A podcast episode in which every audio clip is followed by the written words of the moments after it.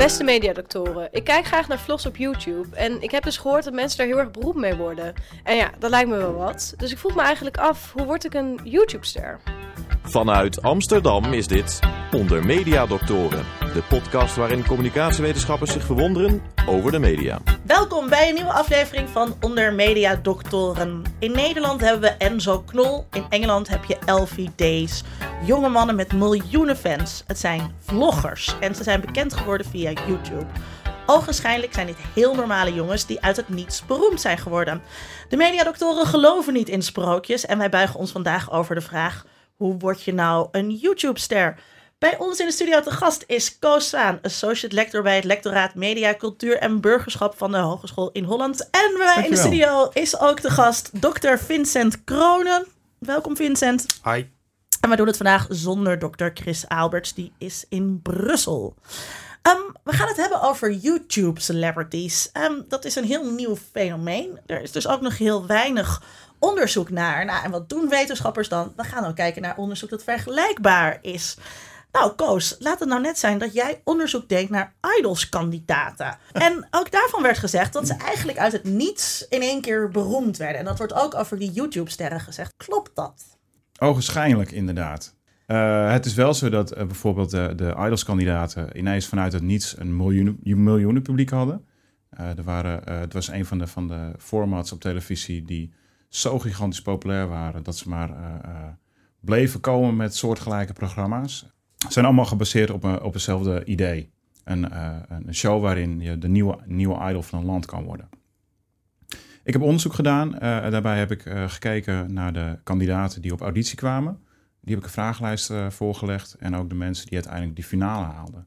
Dus de laatste live show rondes van het programma. Dus je hebt zowel de mensen, de losers, zeg maar, Juist, die zaten in je ja. sample, maar je had ook de winnaars. De winnaars, ja. En, en, en die heb ik met elkaar vergeleken op en, een heel groot aantal verschillende eigenschappen. En wat voor eigenschappen hebben die winnaars dan? Uh, nou, uit mijn onderzoek kwam naar voren dat die kleine groep mensen die dus naar de finale gaan, uh, dat die vaker een hogere muzikale socialisatie hebben. Dus die een wat? Muzikale socialisatie, dat betekent dat ze vaker een hogere muzikale opvoeding hadden. Dus uh, ouders of familieleden die al iets in de muziek deden. Uh, dat ze muziekles hebben gehad. Uh, sommigen zijn zelfs naar het conservatorium geweest. Oftewel, ze waren beter muzikaal onderlegd als groep. vaker hadden ze ook meer last van onzekerheid. dat klinkt een beetje tegenstrijdig, maar dat heeft te maken met, het feit dat ze ook meer ervaring hadden. Dus ze wisten waar ze mee bezig waren.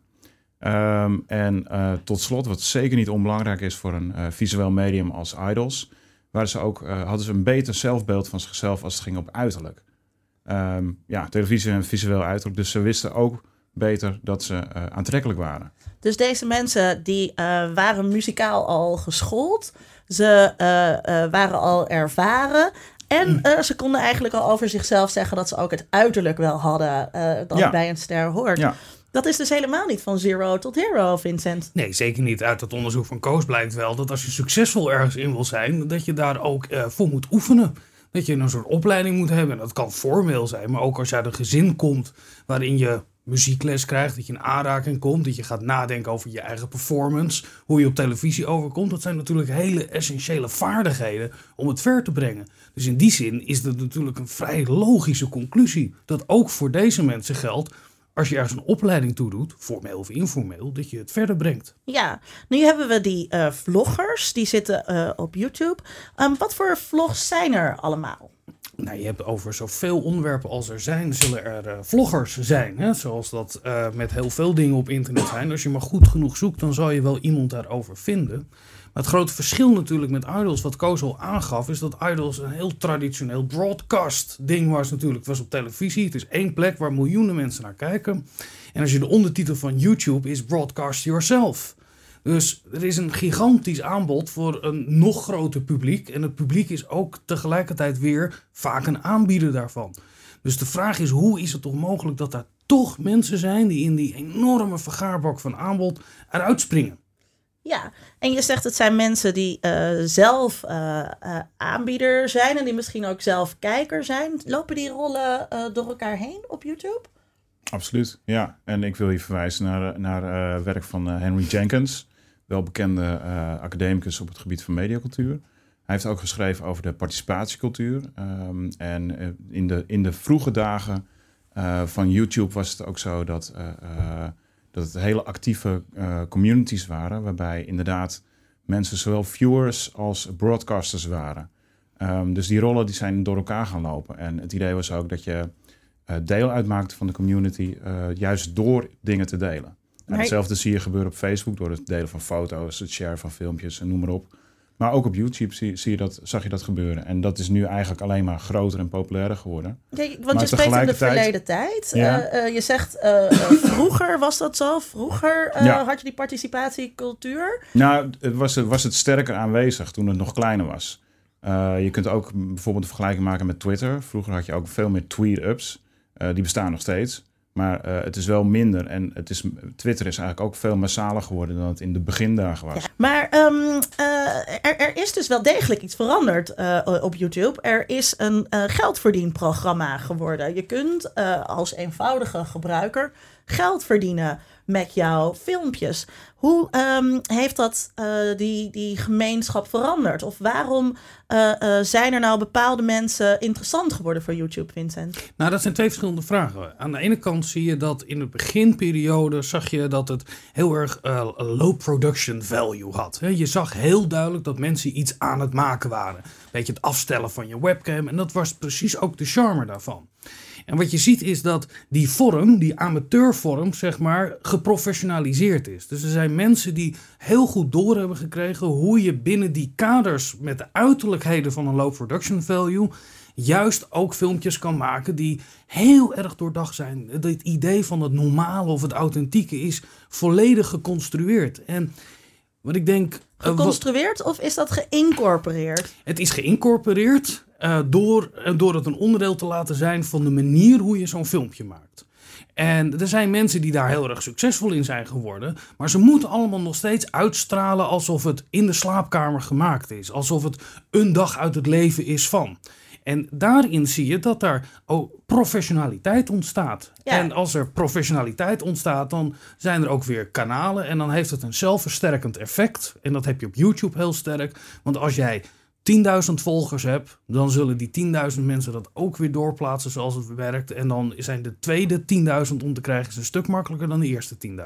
We gaan luisteren naar het interview. Dat is deze keer gemaakt door Iris. En zij sprak met YouTube-ster Alexander Spoor. Ook wel bekend als Ali. Zijn kanaal heet Dit is Normaal. En heeft zo'n 15.000 abonnees. Mijn naam is Alexander Spoor. Ik ben een videoproducent en tevens YouTuber heb een eigen YouTube-kanaal. Ik werk in de creatieve sector en produceer nog wel eens voor derden. Het kanaal is opgezet door mij en een vriend, al zo'n vier jaar geleden. We hadden destijds hadden we gewoon het idee om één video te maken. En die hebben we toen gemaakt en, en, YouTube was voor ons vrij nieuw. En toen dachten we, we hebben snel een naam nodig, dus toen hebben we Dit is Normaal genoemd. Op Dit is Normaal uploaden we wekelijks een uh, reeks interviews die we afleggen met willekeurige mensen in de binnensteden van verschillende steden in Nederland.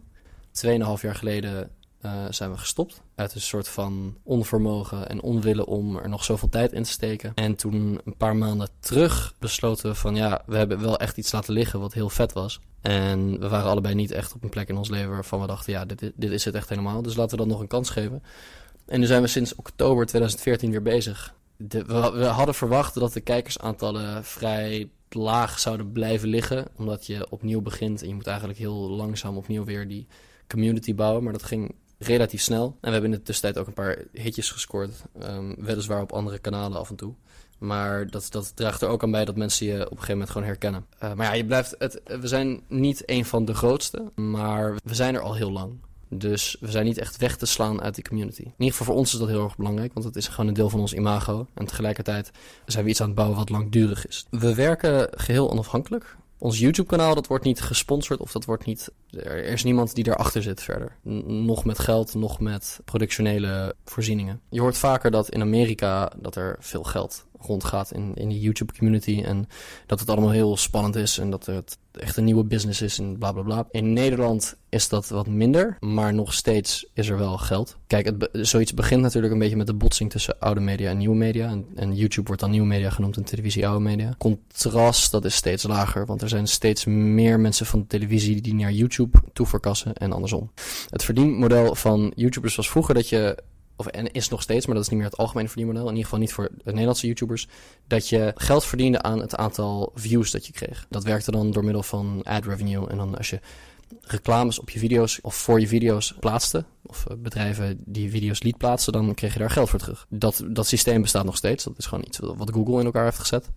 Maar over het algemeen is het gebruikelijker vandaag de dag dat je een gesponsorde video maakt. Dus dat een bedrijf naar je toe komt en zegt: We hebben zoveel budget over voor jullie bereik. En dan mogen jullie ook de hele, of mogen, dan moeten jullie ook de hele productie verzorgen. Dus dat is weer eigenlijk een heel ander verdienmodel, dat veel wordt toegepast. En dan kan je ook nog kijken naar manieren om buiten YouTube om geld te verdienen, maar wel door middel van je YouTube-kanaal. Wat wij hebben gedaan is, we hebben ons soort van naar binnen gebokst bij, ik wil niet per se zeggen televisieproducenten, maar bij, bij bedrijven die uh, meer gericht zijn überhaupt op mediaproductie. En wij slaan een mooie brug tussen die nieuwe en oude media.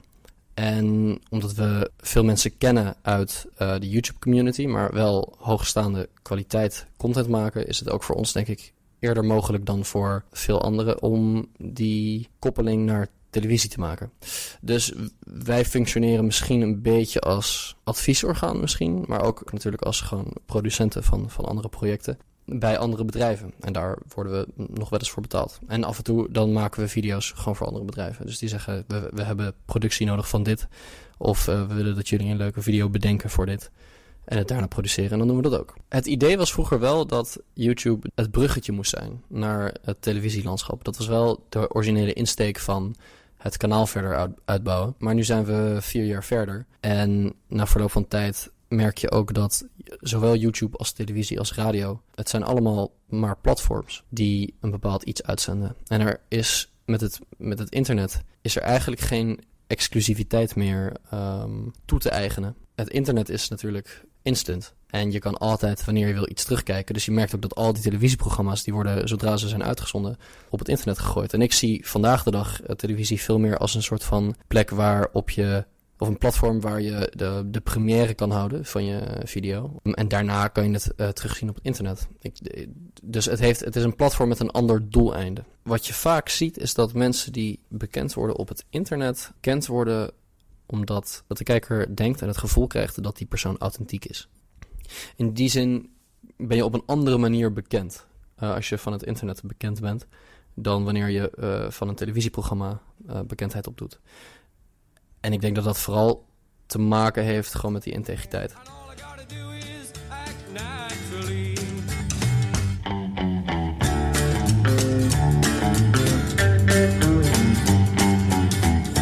Ja, wat Alexander hier eigenlijk zegt is dat, uh, we hadden het er net over, dat er kennis is gegaan van uh, professionele mensen bij YouTube naar die vloggers. En hij zegt nu eigenlijk, er gaat ook kennis van die vloggers naar uh, conventionele televisieproducenten, maar ook naar bedrijven. Vincent?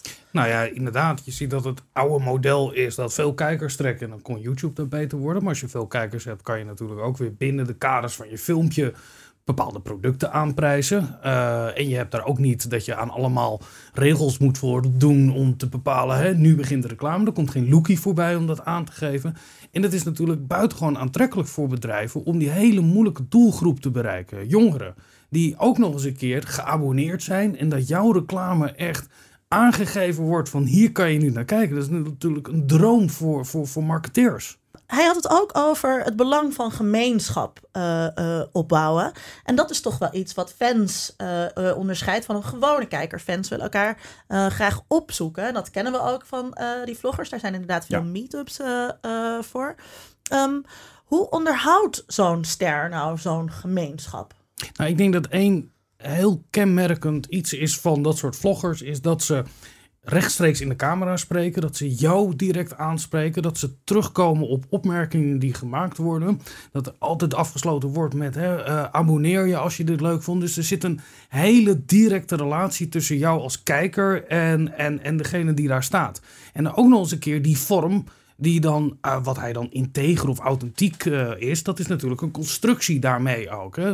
En vaak is het ook nog eens een keer de plek waar dat soort uh, dingen worden opgenomen. Aan de keukentafel, in de badkamer, in, in de slaapkamer. Dat maakt het zo direct en je maakt het een onderdeel van je leven. Dat is heel anders natuurlijk dan Jim en Jamai de eerste seizoen van Idols, die stonden al na een aantal afleveringen en werden die steeds bijzonderder. Maar daar gingen we toch ook bij thuis in de slaapkamer kijken. We ontmoeten hun familie in die latere afleveringen.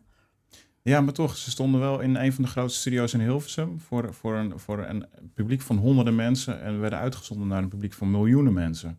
En daarmee werden ze, werden ze iets meer dan die boy eh, next door. Um, Volkert maakte een item over ster zijn en alledaags zijn tegelijkertijd.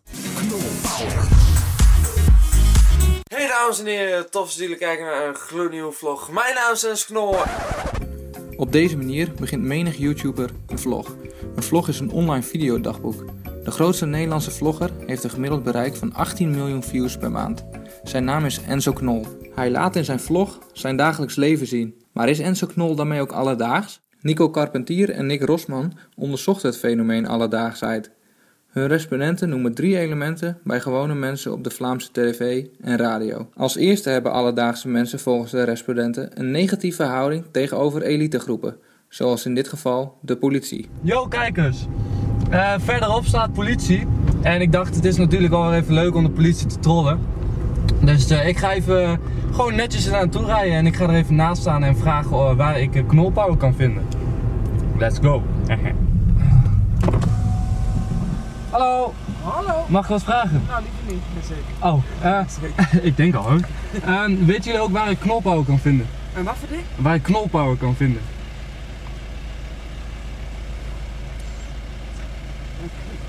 Knolpower. Je weet niet wat knolpower is? Nee. Nee? Als tweede zijn alledaagse mensen volgens de respondenten leden van de lagere klasse in de maatschappij, wat voornamelijk uit hun taalgebruik naar voren komt. Let's fucking do this! Fuck yeah.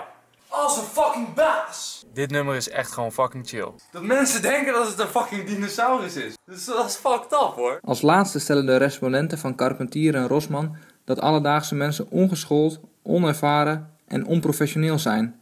In het geval van Enzo Knol komt alleen het eerste kenmerk overeen. Ik heb ook veel de vraag gehad van Enzo, ga jij niet meer naar school? Zit je niet meer op school? Nee, ik ga niet meer naar school. Uh, ik heb wel op school gezeten, ik heb BBL detailhandel gedaan. Het uh, is niet mijn ding, ik heb het geprobeerd, uh, maar het is, het is niet iets wat ik leuk vond. Dus ehm, ik zit nu niet meer op school. Je zou dus kunnen zeggen dat Enzo Knol een gewone jongen is gebleven. Heel alledaags dus. Maar met gemiddeld 18 miljoen views per maand ben je natuurlijk niet gewoon. Dan ben je een ster. Zoals ik altijd zeg, aan het einde van een vlog, dikke, vette beats. Knol Power.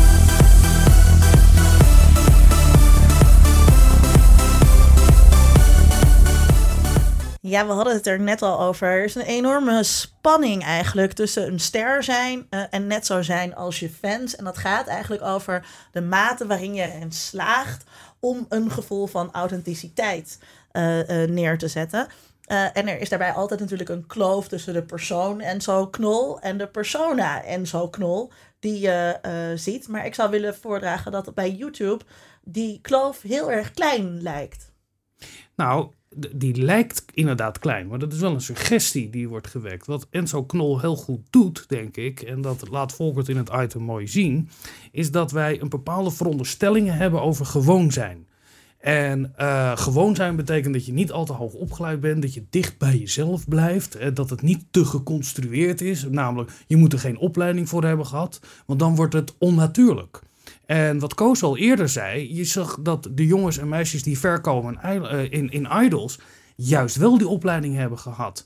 Dus hij construeert eigenlijk dat idee van gewoonheid. En dat is de basis voor zijn succes, wat hem bijzonder maakt. Maar bij Idols werd dat ook weggewerkt. Daar werd ook die, die, die, die professionele achtergrond weggewerkt, toch, Koos? Uh, deels wel. Deels zag je ook dat het uh, ook gewoon uh, ordinaire televisie was.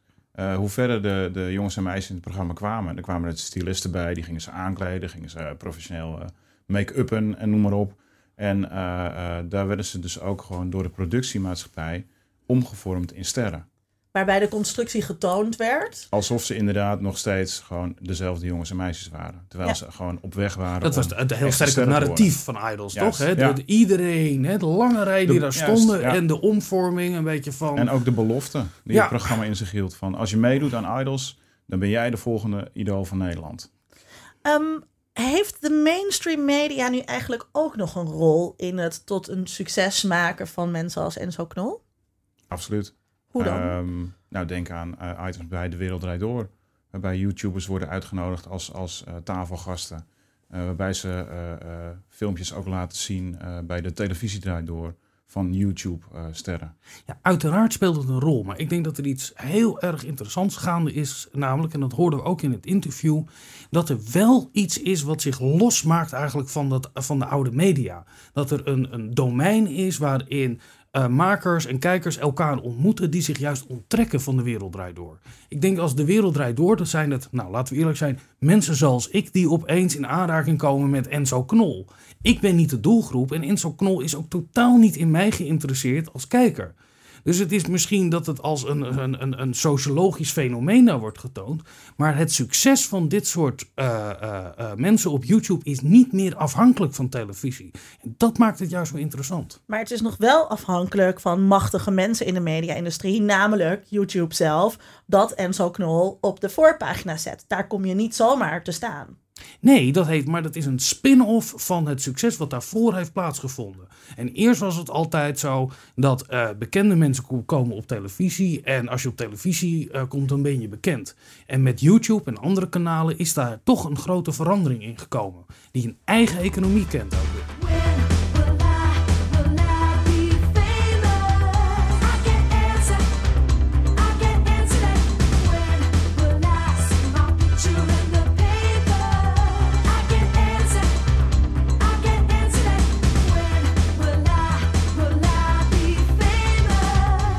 We komen aan het einde van de aflevering. When will I be famous? Hoe word je nou een YouTube-celebrity, Vincent? Nou, je wordt een YouTube celebrity als je begrijpt dat je net alsof moet doen dat het allemaal uit je slaapkamer komt. Dat je de constructie van het authentieke doorkrijgt. Dus je moet heel erg professioneel zijn. Net zoals de eerste idols mensen. Je moet een lange opleiding hebben om de, die rol te kunnen spelen. Kijk mij eens in die paar weken opbloeien van een lullig jongetje op het VMBO tot aan Jamai. Daar kan je ook allerlei lijnen met vroeger eh, eh, trekken. We hadden het bijvoorbeeld over die merchandise. Eh, we hebben het over die arbeid van fans gehad die geïntensificeerd is. Dus je kunt ook nog kijken eh, naar vroeger. Eh Koos, hoe word je een YouTube-celebrity? Lekker gewoon jezelf blijven. Lekker gewoon jezelf blijven. Lekker gewoon jezelf blijven. En eh, dan doen we net alsof dit allemaal niet ontzettend geprofessionaliseerd en gecommercialiseerd is. Dit was Onder Mediadoktoren. Ik dank onze gast, Dr. Koos Zwaan. En natuurlijk mijn vaste mede-mediadokter, Dr. Vincent Kronen. Mijn naam is Dr. Linda Duits. Graag tot een volgende keer. Onder Mediadoktoren is een podcast van Chris Alberts, Vincent Kronen en Linda Duits. Meer informatie vindt u op ondermediadoktoren.nl.